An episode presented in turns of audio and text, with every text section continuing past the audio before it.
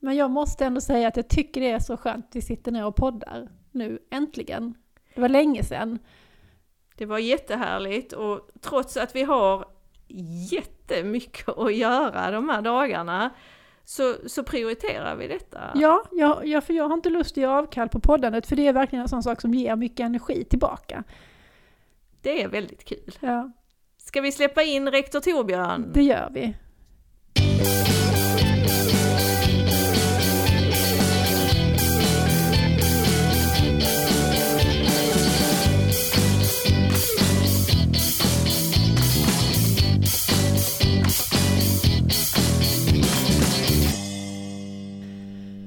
Ja, då säger vi hej och välkomna till detta 36 avsnittet av Skolbibliotekspodden Flödet. Ni som inte är från södra Sverige, ni kanske inte förstår vilken utmaning det är att säga 36. 36. Ja, alltså tänk att vi har hållit på 36 avsnitt och vi fortfarande har olika helt nya grejer att prata om i ämnet skolbibliotek.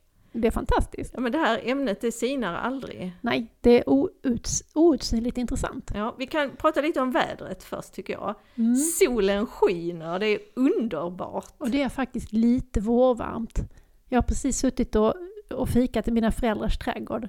Och det var första gången på jättelänge som jag kände att jag satt ute för att det var skönt och inte för att det var nödvändigt. Och vi åt jättesmaskiga wienerbröd och firade att de båda två har fått sin första spruta.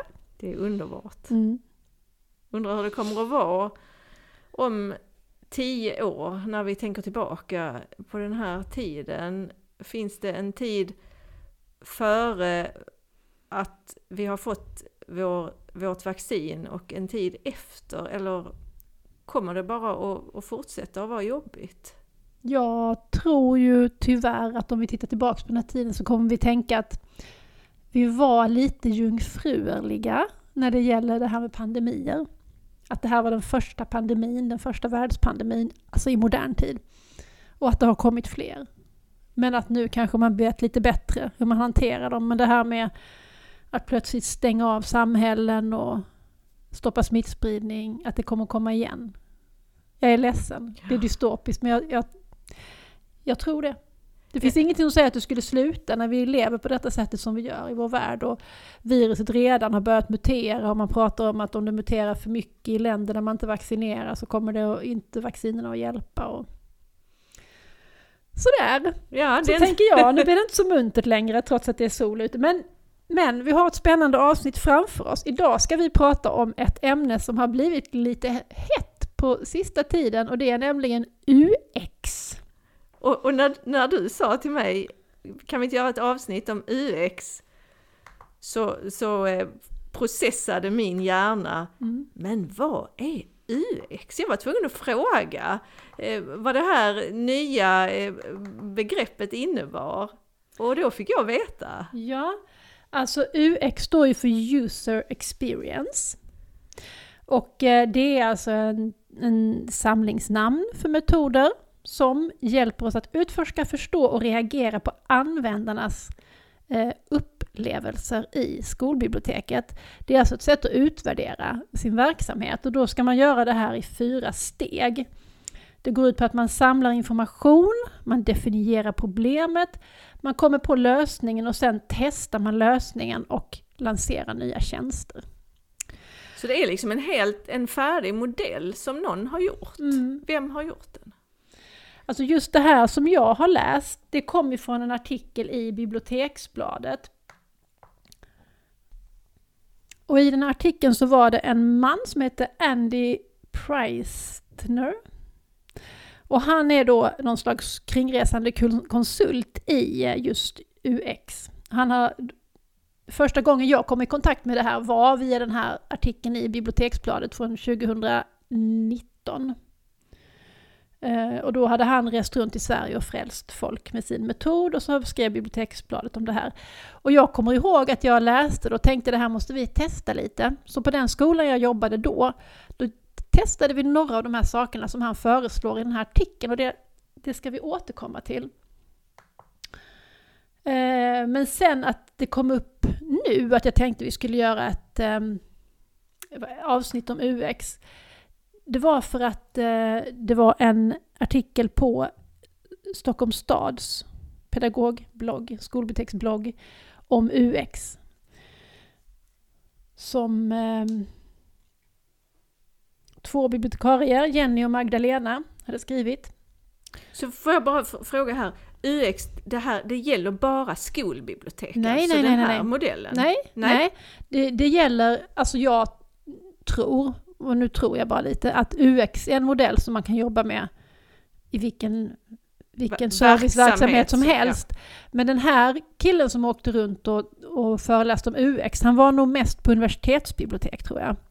Men nu har det liksom sipprat ner till att även vissa skolbibliotek tar till sig det. Fast det gjorde vi ju redan 2019 när vi läste den artikeln, jag och min dåvarande kollega.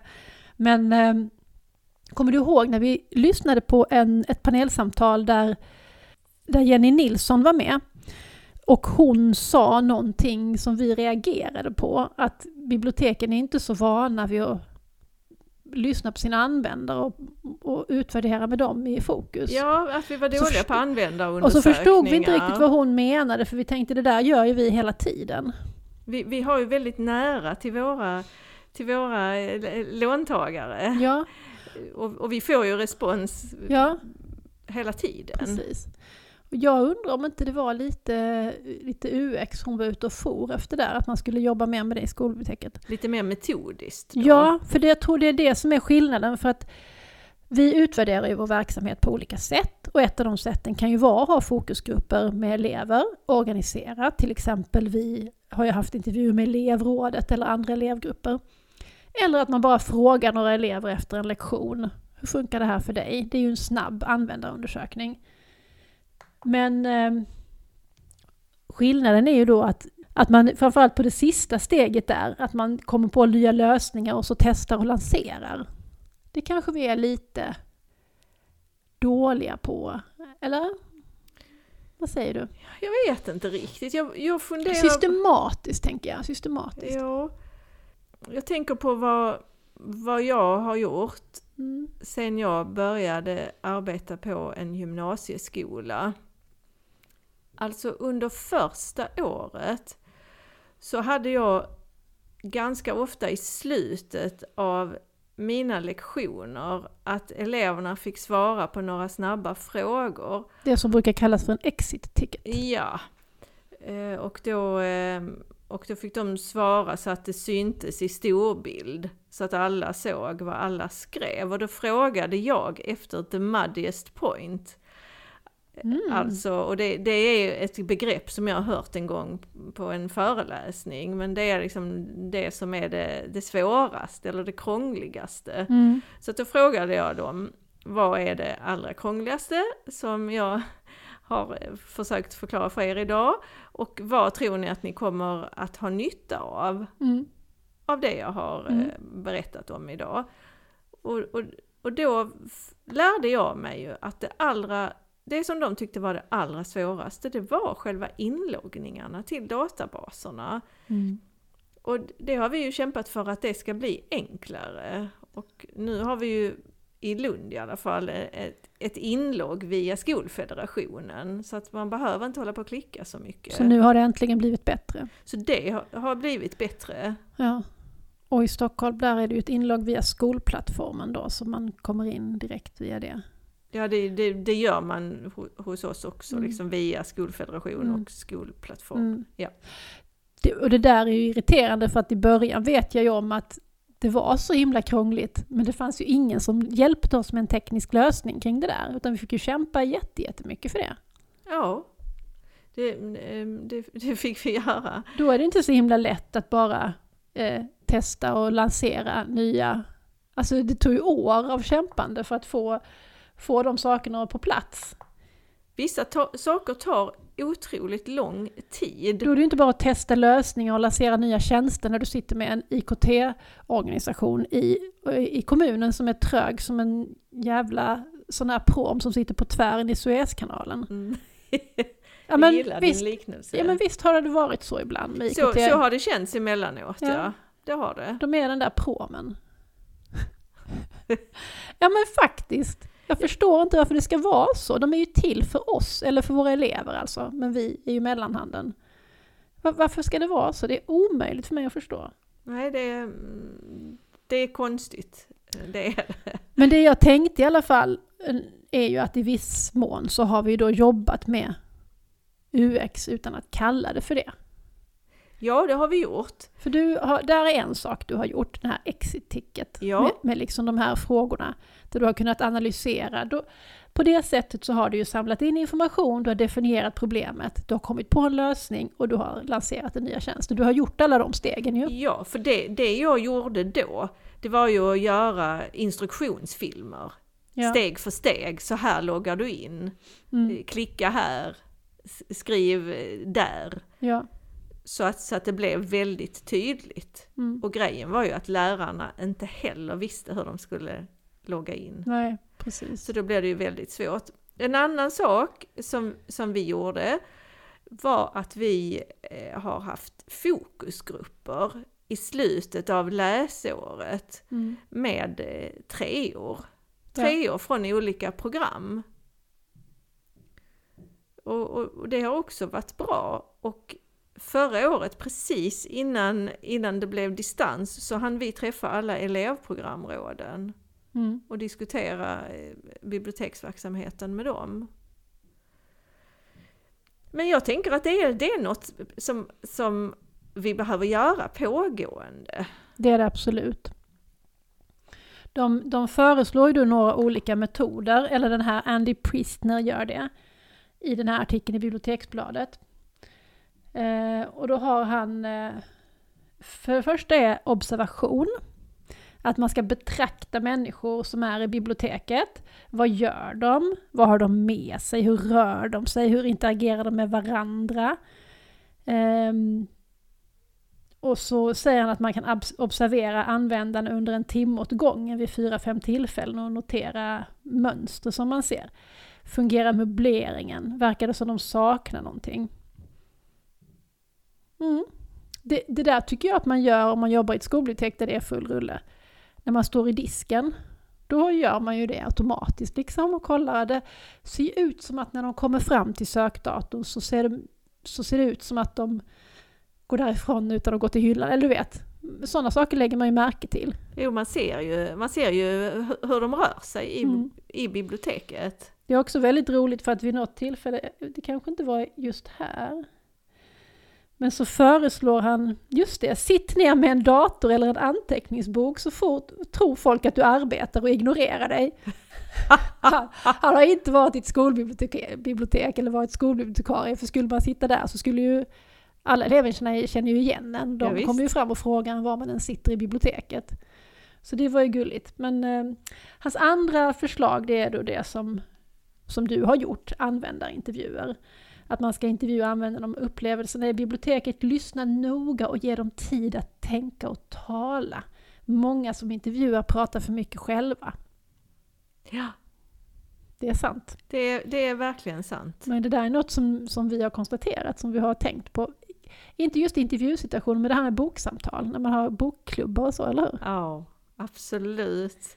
Att, att eh, när vi var gröna pratade vi mycket, mycket mer. Ja. Det är först när vi håller tyst som vi upptäcker hur mycket användarna har att berätta. Och det gäller att våga vara tyst några sekunder till. Mm. Omfamna tystnaderna, skriver han här. Mm. Och apropå tystnad, det, det tänker jag mycket på nu när vi kör en hel del eh, lektioner digitalt. Att det är betydligt svårare att låta det vara tyst när vi är på distans. Och det är samma med bokklubbarna. Jaha. När vi sitter tillsammans så är det lättare att låta det vara tyst några sekunder. Mm. Men det är jättesvårt att låta det vara tyst eh, när vi är på distans. Det är kanske för att man är van, du har ju övat dig på det här i det fysiska mötet. Och nu måste du öva dig på det en gång till och lära dig det en gång till i det dig- dig- digitala mötet.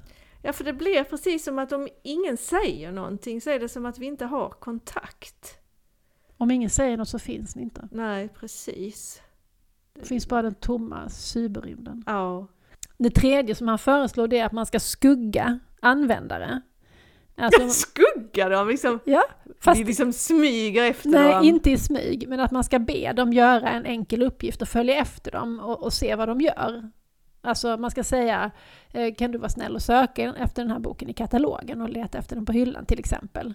Och då tänker jag att det har vi ju gjort, eh, eh, när jag jobbade på Spiken så hade vi ju som uttalat mål att alla möten i biblioteket skulle vara ett pedagogiskt möte. Och om en elev kom och frågade, har vi bok X? Så sa vi aldrig, ja ett ögonblick ska jag titta. Utan då sa vi, har du sökt i katalogen? Och sen följde vi med eh, eleven bort till katalogen. Alltså frågar vi om de verkar som inte ville eh, göra det eller inte kunde göra det så följde vi med dem bort och sa, men då kan du skriva namnet på boken här. Och då ser man ju hur de gör liksom och ser vad de eventuellt har svårt med och sådär. Vi, vi såg ju något eh, väldigt intressant mm, i början av terminen när eh, ettorna fick sådana här uppgifter av sina lärare att de skulle springa runt på skolan och kolla olika grejer. Just det, lära känna varandra, övningarna liksom. Ja, lära känna skolan, övningarna. För då var det många lärare som gav dem i uppgift att eh, räkna hur många tidskrifter biblioteket har eller hur många tidskrifter om historia har biblioteket. För då, då kom de ofta och frågade oss, eh, var är tidskrifterna?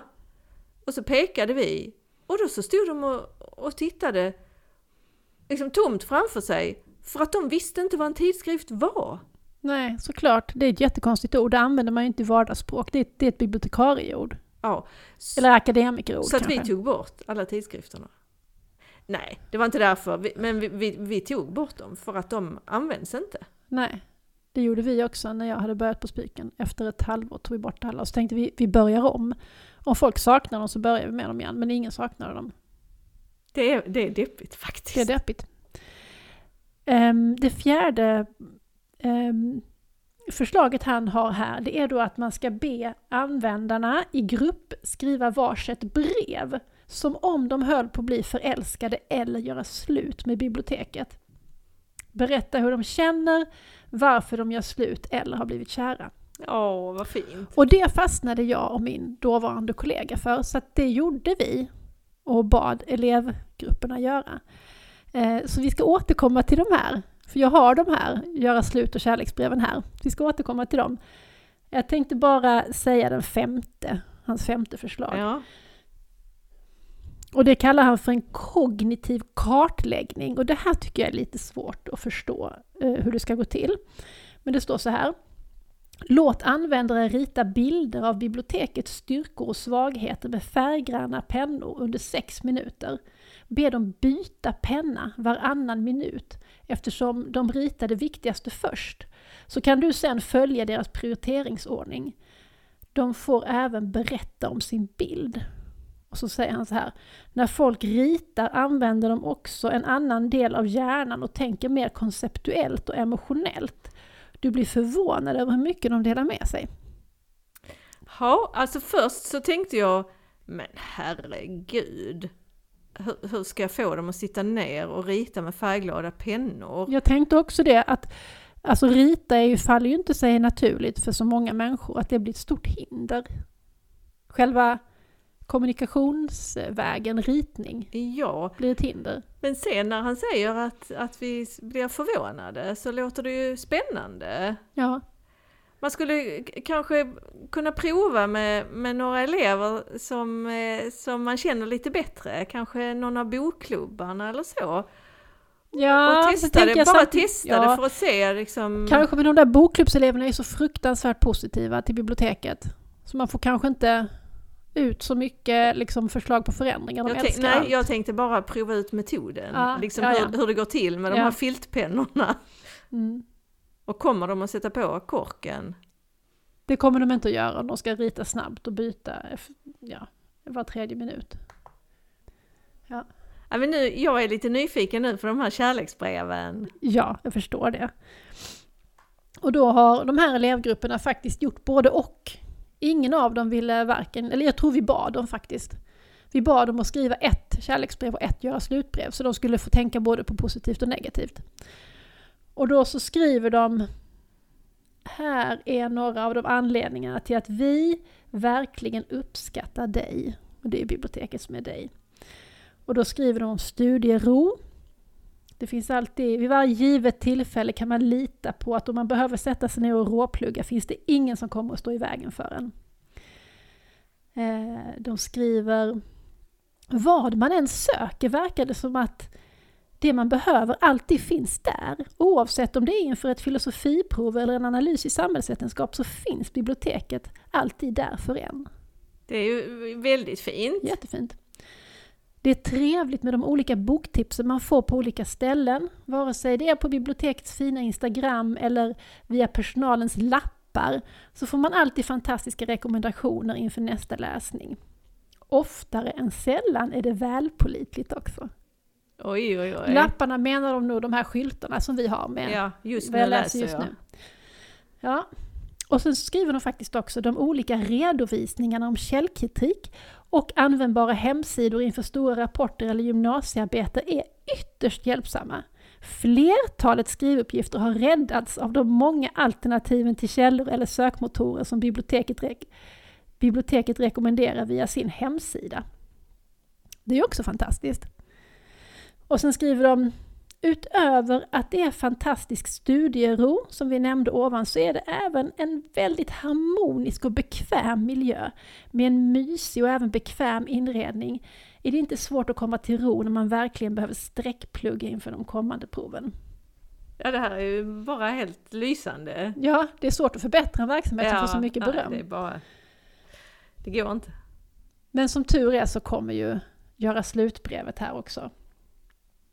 Och då är det frustrerande att biblioteket ibland stänger för tidigt. Mm. Som elev så känner man ibland behov av att kunna sitta kvar lite efter att man har slutat och biblioteket eh, är gärna en plats för just detta. Och sen kommer det också en ganska dålig sak. Ibland när man ber om hjälp händer det att man inte blir jättetrevligt bemött. Vilket kan minska lusten att spendera mer tid i biblioteket. Men inte blir jättetrevligt bemött. Ja. Det är ju ändå vackra omskrivningar. Ja, de är artiga. De är väldigt artiga. Jag, jag tror till exempel att det här, har du sökt i katalogen? Ja, är man stressad så vill Ja, man inte ha nej, det svaret. Det vill man inte ha, då tycker man det är otrevligt. Särskilt, det här har jag också fått lära mig från min syster som är barnläkare, jag vet inte om jag pratat om det i flödet förut, men att tonåringar, när de tolkar ansiktsintryck, så tolkar de neutrala ansikten som sura. Jaha! Ja. Nej, det- har du nog inte sagt innan. Jag Jag brukar prata om detta ibland. det. Utan då ska man eh, le lite extra mycket när man pratar med tonåringar för så att de förstår att man är vänligt sinnad. Så att man ska liksom anstränga sig för att le lite så att man, de inte, för har du ett neutralt ansiktsuttryck så kan du tolka som att du är en surpuppa. Så det måste man tänka på och det kanske vi, man inte alltid alla 100% av tiden har sitt bästa leende på när man står i infodisken. Jag, jag har fått lära mig för många år sedan att när man svarar i telefon så ska man le Ja, för att det hörs. det hörs på rösten. Och det tycker jag det är väldigt fint. Det är sant. Och sen kommer den till. De gånger man ska sätta sig och plugga så händer det att det inte finns några sittplatser och man måste söka sig någon annanstans. För få platser alltså. Det är för att det är för populärt. Och sen kommer vi till din grej här, the muddiest point. Trots de sökmotorer och källor som rekommenderas i era presentationer är det ibland svårt att hitta till dessa länkar. Det hade kanske hjälpt om det fanns lite tydligare beskrivningar till vart exakt man kan hitta de länkar som man kan logga in igenom. Mm. Och det där tycker ju vi då att ja, men det är ju supertydligt, vi har ju alltihop på vår sajt och bla bla bla bla, bla. Men nej, the muddiest point är detta, hitta, Mm. hitta in i själva resursen. Ja. Ja, men vi hade ju ett till gäng som eh, skrev om sin kärlek eller sitt hat till biblioteket. Så ni ska se vad de skriver. Så de, de satt liksom och diskuterade ihop och, och, och skrev Ja, vi gav de här elevgrupperna det här i uppgift och sen senare skickade de in det här. Mm. Så de gjorde inte det liksom när vi var närvarande eller så. Och de här har eh, skrivit det mer som ett, ett, ett brev. Kära biblioteket. Vi tycker att själva lokalen är väldigt bra. Det finns mycket plats att vistas på. Vi tycker att det är toppenbra att det finns bord att sitta vid. Men även fåtöljer. Det är dessutom väldigt fint och mysigt, särskilt nu med de nya fåtöljerna. Det är även bra att det finns ett tyst rum där man kan vara ifall man behöver studiero. Vi tycker även om att man får äta i bibblan. Det fick vi ju i det här biblioteket, man fick fika. Det får man ju inte i alla bibliotek, men ja, det uppskattade de. Sen tycker vi även att ni har ett väldigt bra utbud av böcker, både facklitteratur men även skönlitteratur. Extra mycket tycker vi om temahyllorna, där man alltid kan fynda något spännande. Slutligen tycker vi även om bokbingot, det var en aktivitet som vi hade på den här skolan. Och annat engagemang som till exempel bokklubben. Såklart tycker vi även att bibliotekets personal är väldigt trevligt. Och det betyder mycket för oss att ni vill höra våra synpunkter. Det var ju väldigt fint mm. med den slutklämmen. Och man märker ju att det finns lite överensstämmelse med den andra gruppen, att de tycker det är bra att det finns studiero, de tycker det är ett bra utbud av medier. Och så. Och så skriver de så här. Kära biblioteket, vi har inte mycket att klaga på, men vissa av oss tycker att det är lite mörkt i biblioteket, särskilt på eftermiddagarna. När man sitter och pluggar vid borden vid fönstren kan det ibland bli lite svårt att läsa sina anteckningar. En annan sak som stör oss är att ljudnivån kan bli lite hög i biblioteket ibland. Såklart behöver det inte vara knäpptyst, men det kan vara svårt att koncentrera sig när det är folk som sitter i bibblan och snackar högt och även lyssnar på musik utan hörlurar. Man kanske borde påminna om att det ska vara studiero i biblioteket och att man ska leta upp ett grupprum ifall man vet att det kan bli för mycket snack. Ja, så det var de, det de hade. Um, vad säger du? Skulle du vilja prova detta? Ja, absolut. Absolut, men jag vet inte om, om eh, ni fick fram någonting annat än det vi fick fram när vi träffade elevprogramråden. Nej, det är sant. För då, då pratade vi och sen så fick de post-it-lappar mm. där de fick skriva minst en positiv sak och minst en negativ eller lite mindre bra mm. sak. Och, och, det var ungefär samma som vi fick fram. Och det som, det som slår mig är att, att nästan alla elever lyfter fram att de uppskattar att biblioteket är en lugn plats. Och det är ju en av våra tråkigaste uppgifter, mm. är ju att säga till dem som eh, då inte är lugna. Eller hur? De som är för glada ja. eller, ja, eller stör på något sätt. Ja. Och det, jag ska säga att det är inte ofta vi behöver göra det. Men, eh, men när det behövs så gör vi det. När jag började arbeta, arbeta på gymnasiet då tänkte jag att de här eleverna är så stora, de är så gamla. Jag kom från lågstadiet, där var jag van vid att säga till mycket.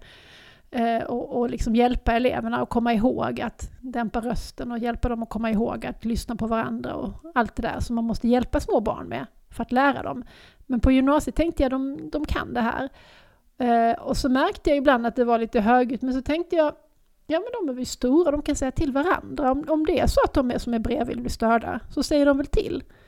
Jag kan ju inte vara den som bestämmer att de bredvid blir störda. Men om de blir störda ja då säger de väl till. Men det visade ju sig när vi hade liksom pratat med lite elever och så att nej, de eh, vill inte säga till varandra. De, nej, vill, att, de vill att vi ska stå, stå till tjänst med att vara surtanten. Ja. Så då, då började vi med det. Och då började vi med det liksom på terminstart, så vi tog ett nytt grepp liksom andra året vi jobbade, att nu säger vi till. Och eh, uppenbarligen så vill de ju ha det då, mer av det. Nej, de, de pallar inte att säga till varandra. Ibland kommer de ju till oss ja, och det... ber oss säga ifrån. Ja, och det är bra. Och, och, och det, det, är ju jättebra att de gör det. Jag, jag har lärt mig att verkligen ta några djupa andetag innan jag går och säger ifrån så att jag inte ska säga ifrån på ett argt sätt. Mm. För, för det har jag förstått att de tycker att det är jätteobehagligt. Ja. Om man är, visar att man är arg. Så jag, jag brukar försöka skämta alltid. Mm. Mm.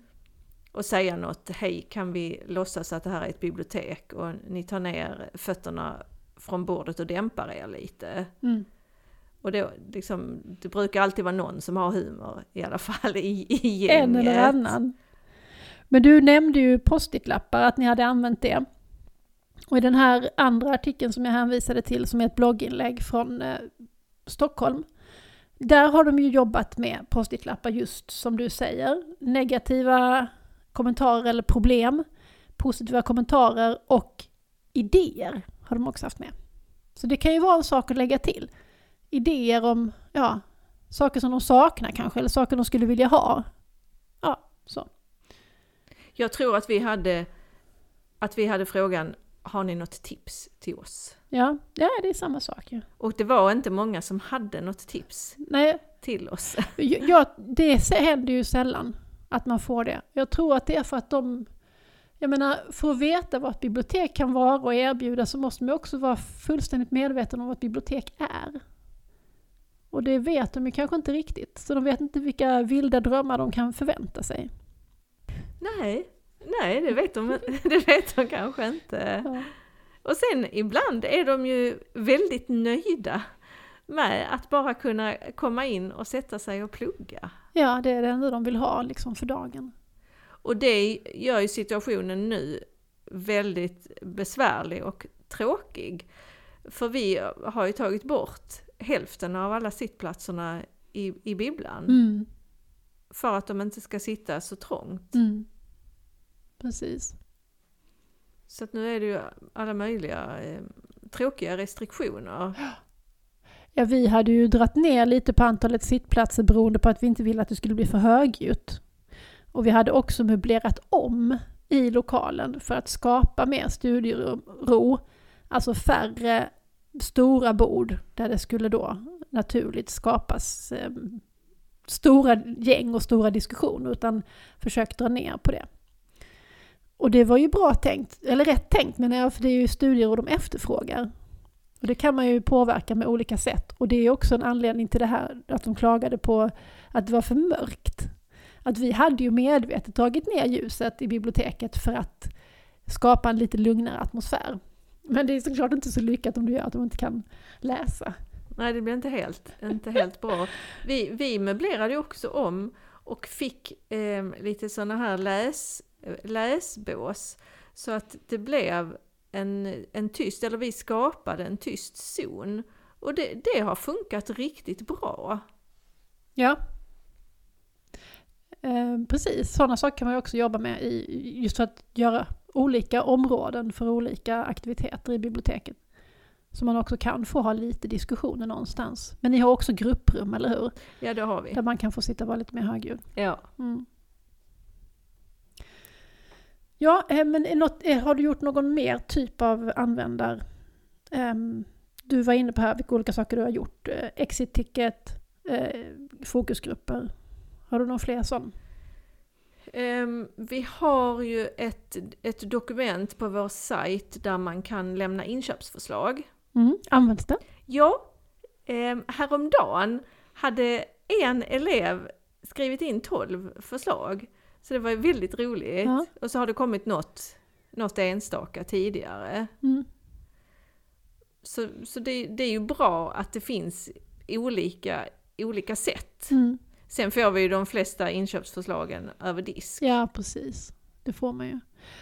Jag tänker också att när det gäller utvärdering och användarundersökningar att det är väldigt mycket som man gör under tiden. Alltså medan man har ett referenssamtal eller bara pratar med någon som kommer och frågar om någonting vid disken eller när man är ute vid hyllorna och så.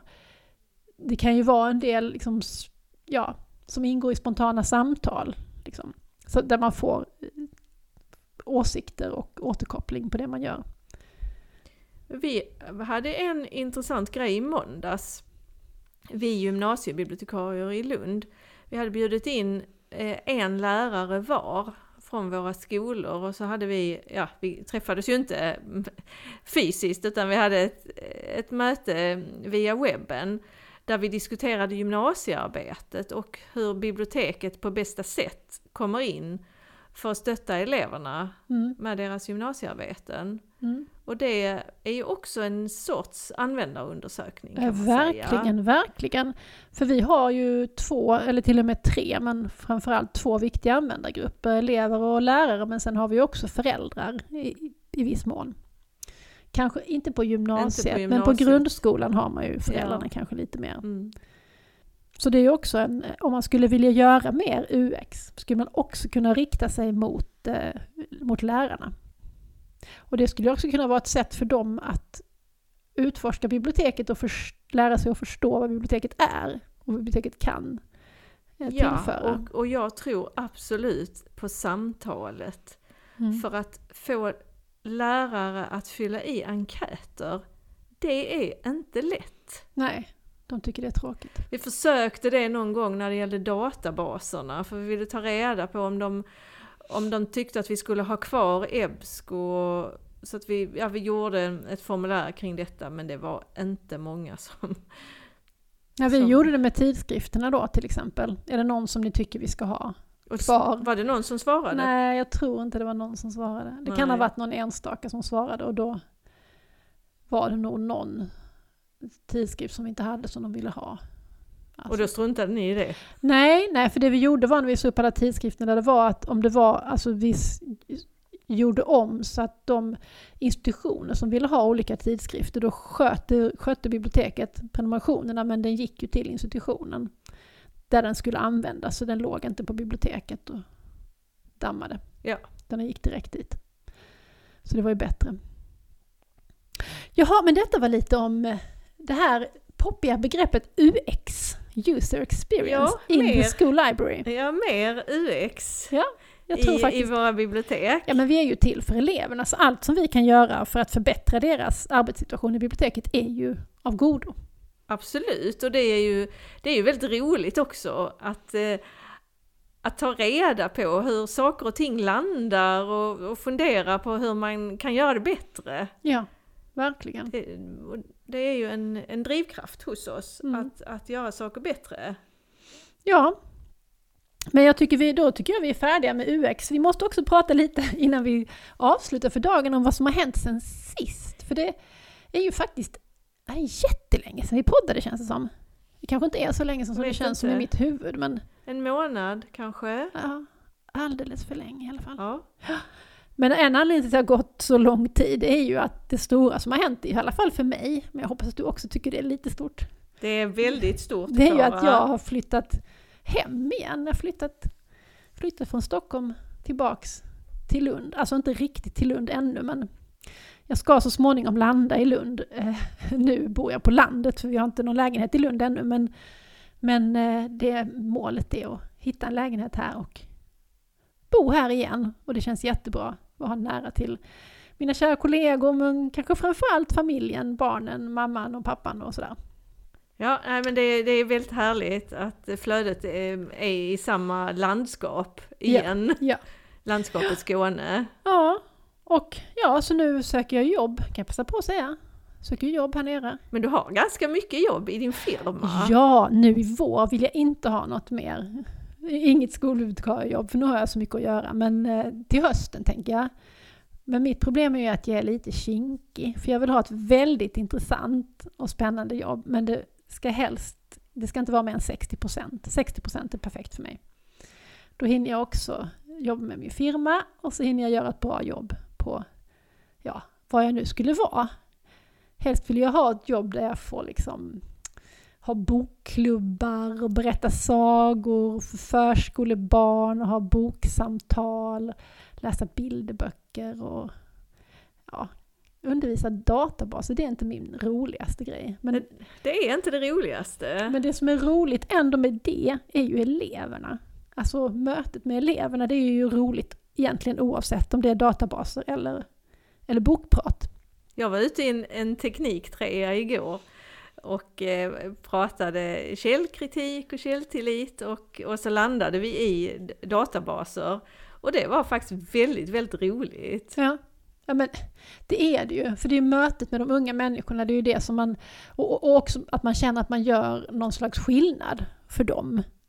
Och, och, och det var lite lustigt, det var andra gången jag använde visir eh, på en lektion. Mm. Och det blir ju liksom lite dimmigt där bakom visiret. Så att jag hade, hade svårt att se eh, antalet träffar och så. Så det blev, det blev lite god stämning. Både i klassrummet, hälften av eleverna var i klassrummet och hälften av eleverna var hemma. Ja. Men från och med den 26 så ska ju alla elever vara tillbaka på Ja. gymnasieskolorna igen.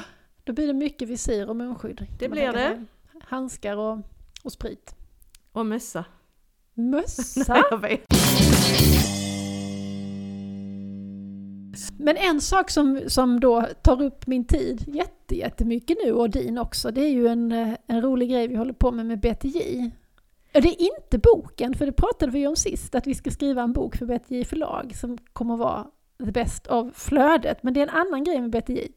Vi håller ju på att göra en utbildning, en skolbiblioteksutbildning Ja, det får vi ju kalla den. som ska filmas. Alltså det är ju en del av den här tjänsten som de kallar för Ladda, skolbiblioteket. Där man ska kunna få alla delar av skolbiblioteket egentligen genom dem. Både medier och katalog men även utbildning och det är ju där vi kommer in. Som utbildningsdelen. Vi höll ju några, några utbildningar för ett par år sedan som kallades för praktika. Ja. Som både riktade sig till skolbiblioteksansvariga lärare som hade timmar i biblioteket men även nyutbildade som inte hade arbetat i skolbibliotek tidigare. ja, och då höll vi ju några på plats här i Lund och sen var vi ju ute också och hade lite föreläsningar inom ramen för detta. precis. Och det kommer ju kanske inte bli någonting för de erfarna skolbibliotekarierna precis, men för de som är nya i skolbiblioteket och som behöver få ett grepp om själva verksamheten skolbibliotek och grundstenarna. Vad man behöver tänka på när man är ny i ett skolbibliotek. För dem kommer det här vara utmärkt. Så vi ska ju spela in nästa vecka. Ja, så nu håller vi på att skriva manus, för det måste man ju ha så man vet vad man har sagt i avsnitt A. Så att man inte säger samma i avsnitt B. Och det här är ju helt nytt, både för oss och för dem. Men eh, det känns som att det kommer bli jättebra. Ja, det är väldigt spännande. Mm. Det är att kasta sig ut och det har vi ju pratat om. Att vi växer ju när vi har lite motstånd. Precis. Och När vi detta känns ju som wobblar. ett visst, in the learning pit. ja, det är ett visst motstånd här. Ja. får jag ju säga. och emellanåt drabbas jag av det här som jag inte ens visste att det fanns. Det har jag också lärt mig av mina unga vänner på Twitter. Imposter syndrome. Heter det så? Jag vet inte. Ja. Imposter. What is it? Ja, what is it? Det är ju det här att man eh, väntar bara på att alla ska förstå Ah, att eh, man är en bluff. Ah, den grejen. Men den har man alltid känt. Fast man har inte vetat att det kallades just så. Har du Ja. inget namn på svenska? Jag har, ja det är väl bluffsyndromet, tror jag. Mm. Att, att, det, att man kan googla bluffsyndromet. Nu har jag hittat det. Bluffsyndromet. Översatt från engelskans imposter syndrome är en informell psykologisk term som myntades på 1970-talet för att beskriva hur vissa personer har svårt att internalisera sina förmågor eller prestationer. Mhm. Trots yttre tecken på kompetens är de som lider av bluffsyndromet övertygade om att de är bluffar och inte förtjänar den framgång de har nått. Men i, vissa personer, är det verkligen så? Jag tror att nästan alla kände så, kanske inte jämt, men då och då när man verkligen får mycket beröm för något eller man kommer in som en expert i något sammanhang så får man ändå den där känslan av att jaha, när ska de upptäcka att jag inte är en riktig vuxen och att jag bara låtsas? Men jag tror att om man, om man verkligen lider av detta så tror jag att det, att det hindrar en. Ja, ja. För att vi låter ju inte detta hindra oss. Att vi, att vi tänker att snart kommer ni på att vi, vi kan i själva verket ingenting. Vi gör det ju ändå och jag tror att, eh, att om man verkligen lider av detta så, så ja. Det står, det står så här att det är ett beteende hos högpresterande kvinnor framförallt. Mm. Ja men då tror jag så här att, ehm, att vissa kanske lider av det här på riktigt, men de allra flesta får en släng av det då och då. Så kan det väl vara? Man får en liten släng av bluffsleven. Ja, Ja, det, det, det, tack. tack det får för vi. det. För samtidigt finns det ju den andra änden av den där skalan och det är ju det här fake it till you make it.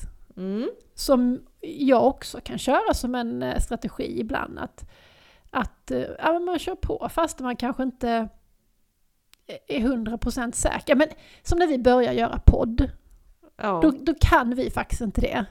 Men vi Nej. gör det ändå. Det är ju en form av fake it till you make it. För att till slut så lär vi oss när vi har hållit på ett tag. Ja.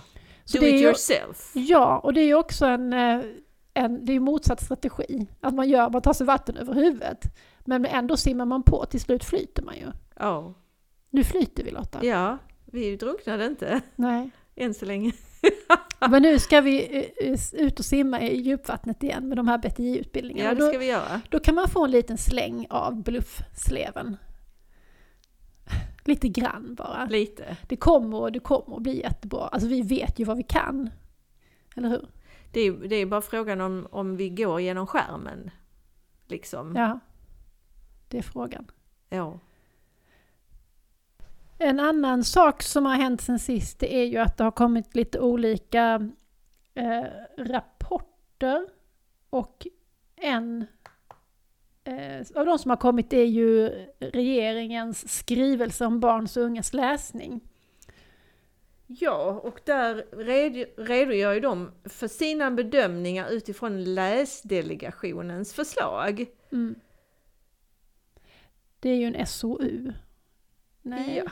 Och de... Eh, Men SOU, för det står barns... Nej, förlåt. Nej, den heter- skrivelsen är... Lä... Aha, okej. det är en, detta är en SKR. Ja, och den har sin utgångspunkt i läsdelegationens betänkande Ja. som är en SOU. Ja, 2018 kolon 57. Alltså vi hade behövt Ja. Gustaf Fridolin här, han som brukar lära oss hur saker och ting Ja. går till i det politiska livet. Men Precis. ja. Det som man undrar är, är det här då saker som, som är bestämda som ska genomföras nu eftersom det kommer från regeringen? Ja, det, det, det ska de göra. Ehm, Ett nytt eh, lä- läsfrämjande lyft för folkbibliotekarier bör Mm. införas med Mm. ett särskilt fokus på barns och ungas läsning. Och skolbiblioteken är en viktig resurs för elevernas lärande och bör fortsätta att bidra till att stärka barns och ungas läsintresse såväl inom som utanför skolan. Ja, det, det gör vi ju redan, alltså på de skolor där det finns ett skolbibliotek. Ja, annars är det svårt ju.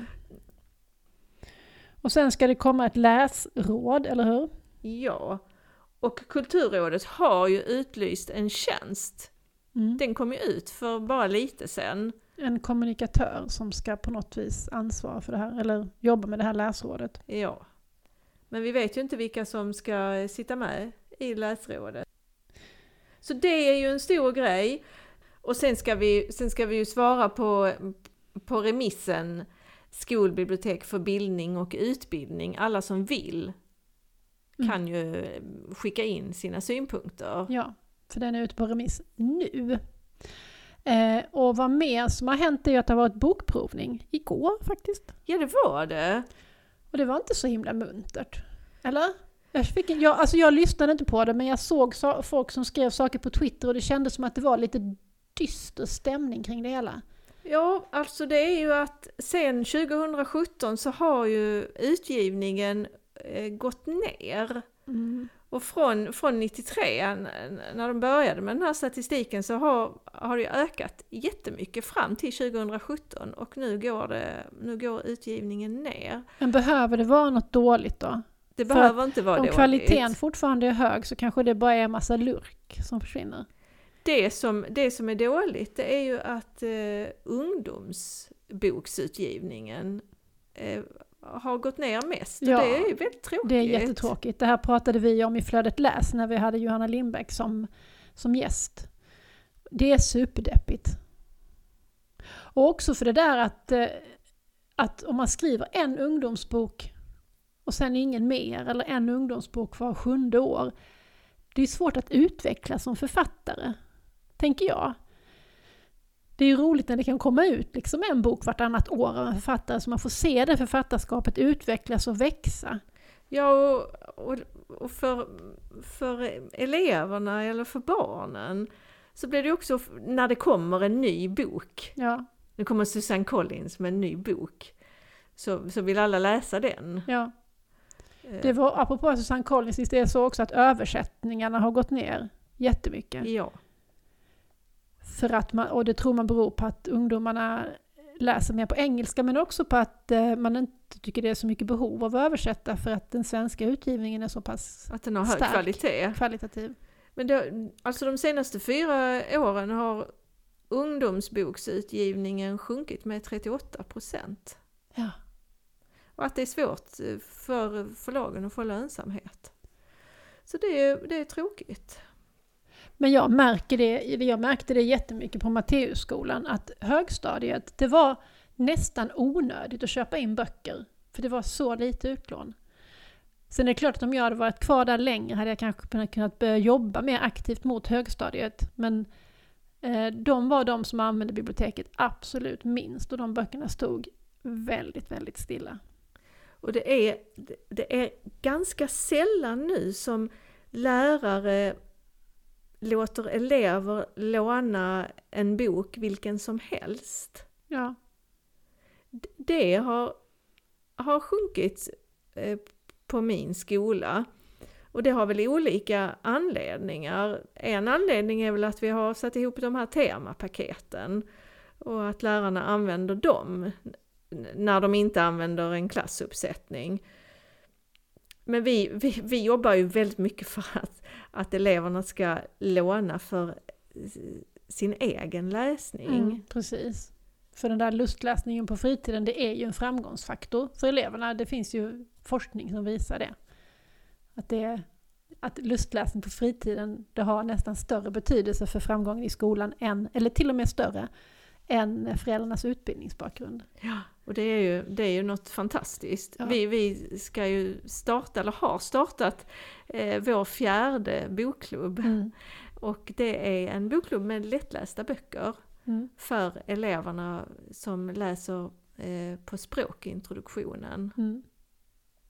Så vi ska ha informationsmöte på måndag och det är åtta flickor som har anmält sig. Det är superkul, men jag förstår inte riktigt hur ni hinner ha så många bokklubbar på Polhem. Nu har ni ju fyra alltså. Ja, det är lite svårt att hinna läsa, men vi har ju återanvänt någon bok, så någon bok som vi har läst i, i en bokklubb har vi lyckats få eleverna att välja i en annan bokklubb. Ja, så ja. sen behöver man ju läsa boken igen, men man kan läsa den lite kursivt då. Och vi Ja. har ju lästid, vi har ju tre veckors lästid per år, men ja, lästiden räcker inte till, det gör den inte. Nej, det kan jag tänka mig. Jaha du Lotta, nu tycker jag vi ska knyta ihop den så kallade säcken för idag. It's time to knyta ihop säcken, ja. Yes. Vad härligt att vi är igång med poddandet igen. Det är väldigt, eh, Den väldigt kul. skånska, skånska redaktionen är förenad. Just det. Vi har liksom både eh, pre-production team och post-production team och eh, redaktionen. Allt. Allt finns här i Skåne just nu. Ja, det är bra. Och vi tackar Stockholm för den här tiden. Det var fint, men nu är det slut. Nu har vi fått tillbaka Klara från Stockholm, så pilutta er. Nej, nu ska inte vi bli sådana. Nu säger vi tack och hej innan vi har sagt för Ja, mycket. det gör vi. Och vi tackar rektor Torbjörn för jingeln. Ja, och så tackar jag dig Lotta. Och jag tackar dig Klara. Och tack till alla lyssnare. Ha det så bra där ute. Mest tack till alla lyssnare. Ha det bra och på återhörande. Hej då! Hej hej!